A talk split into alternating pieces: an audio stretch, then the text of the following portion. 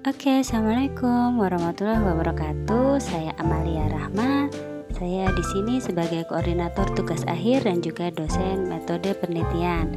Pada rekaman ini, saya mencoba menjelaskan kepada teman-teman mengenai penulisan bab 1 proposal penelitian.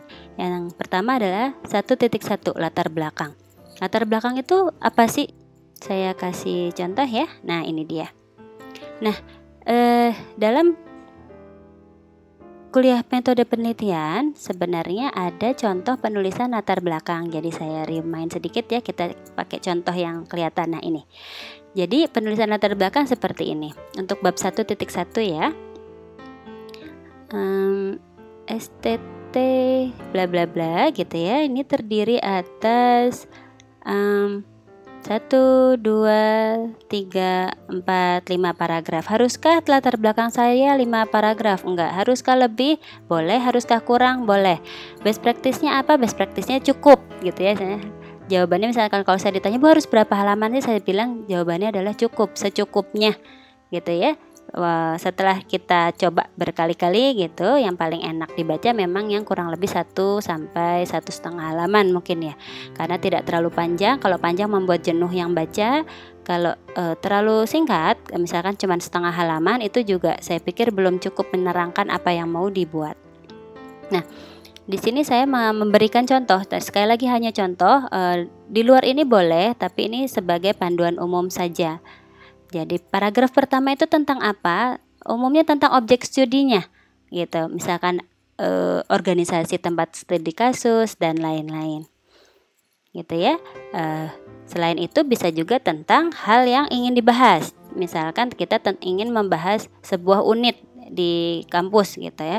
Misalkan tentang uh, unit keuangan atau tentang unit prodi atau tentang unit BAK dan lain-lain itu juga ceritanya bisa di atas gitu ya di bab uh, di bab satu atau kalau nggak cukup di uh, bab satu eh di paragraf satu kalau nggak cukup paragraf satu atau paragraf dua. Nah, yang berikutnya adalah kita menjelaskan masalah gitu ya. Jadi jangan sampai lupa inilah inti, inti latar belakang. Kita harus menjelaskan masalah kita. Dan menjelaskan masalah itu tidak hanya satu kalimat. Masalahnya adalah bla bla bla. Enggak. Kita perlu deskripsiin lebih jauh lagi dengan masalah itu uh, seperti ini masalahnya belum sepenuhnya efektif. Kemudian diceritakan, nggak efektif itu gimana sih? Karena belum tentu orang yang baca itu paham tidak efektif itu seperti apa. Makanya kita perlu penjelasan. Oh, tidak efektif ini seperti ini loh, bla bla bla bla. Kata efektif itu kan sebenarnya ini ya, eh, relatif gitu ya. Maksudnya sebenarnya bisa dihitung efektif atau tidak gitu. Tapi sebenarnya orang kalau menyebutkan kata efektif dalam bahasa sehari-hari itu kan sebenarnya rancu gitu ya. Sebenarnya itu maksudnya apa? Alat ukurnya apa, e, standarnya gimana, nah nggak nggak pernah tahu kan, mungkin aja si A dan si B berbicara efektif dalam konteks yang berbeda, oleh karena itu kita perlu jelasin, kita perlu deskripsikan tidak efektif itu yang seperti ini maksudnya, seperti itu.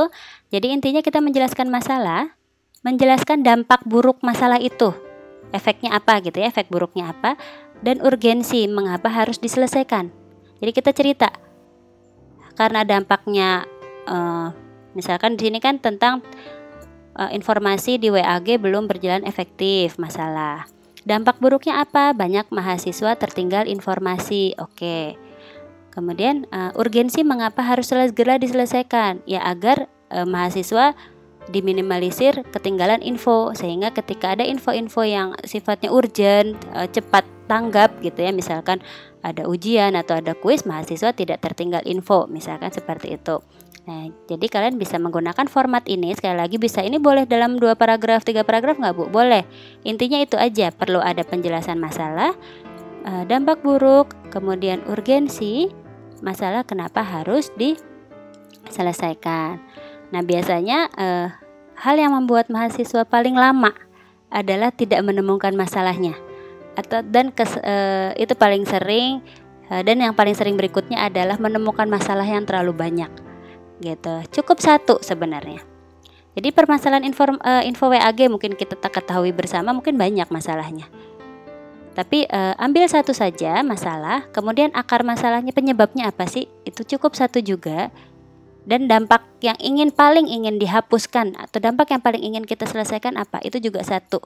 Gitu ya satu atau dua boleh dari sekian banyak gitu ya. Jadi saya menemukan banyak mahasiswa yang mengalami kebingungan karena dia paham masalahnya apa bahkan bisa menyatakan e, banyak e, dampaknya gitu. Tapi banyak dampak ini akhirnya membingungkan.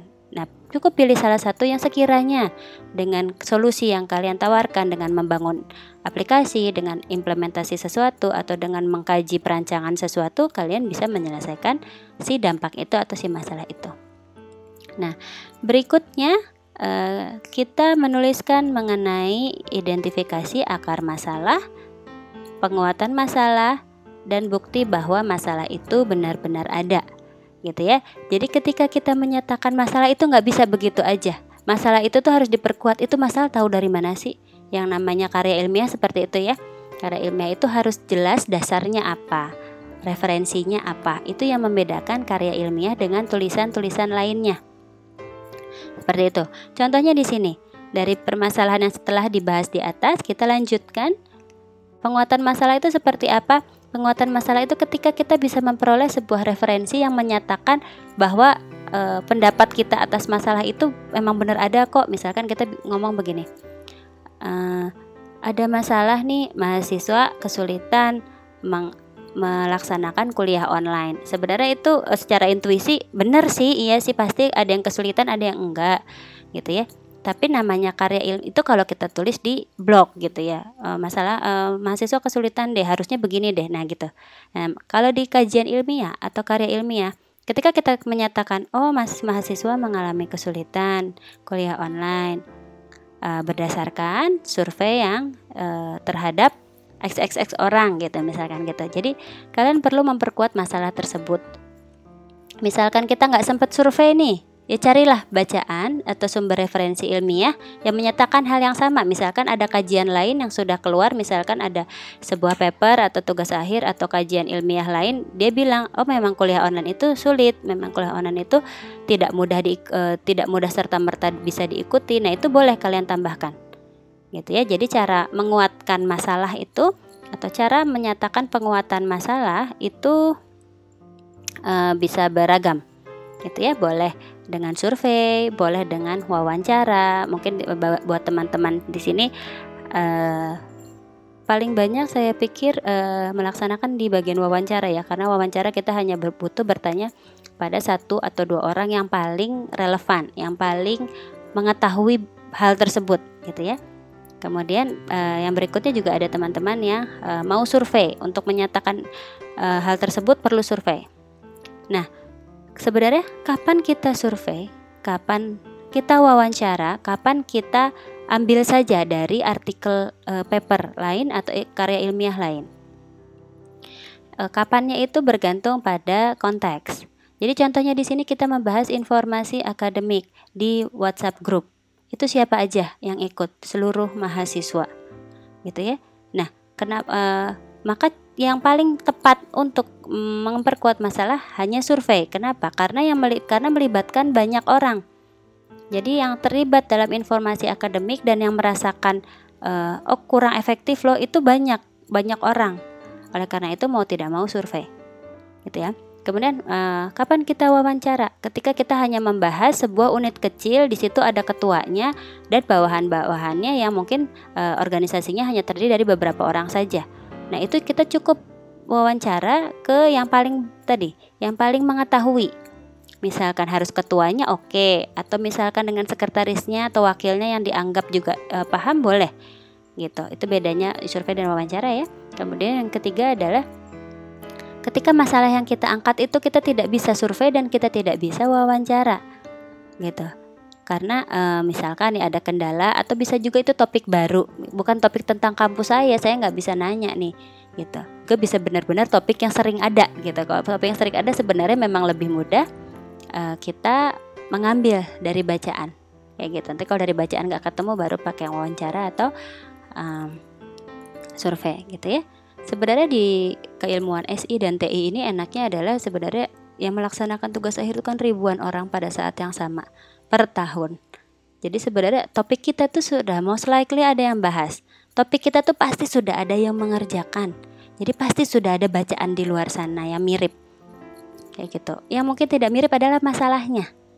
masalah persisnya apa gitu tuh mungkin tidak sama tapi masalah secara umum itu pasti mirip-mirip. Nah, itu boleh sebenarnya memperkuat masalah kita dengan uh, mengutip dari uh, artikel ilmiah lainnya.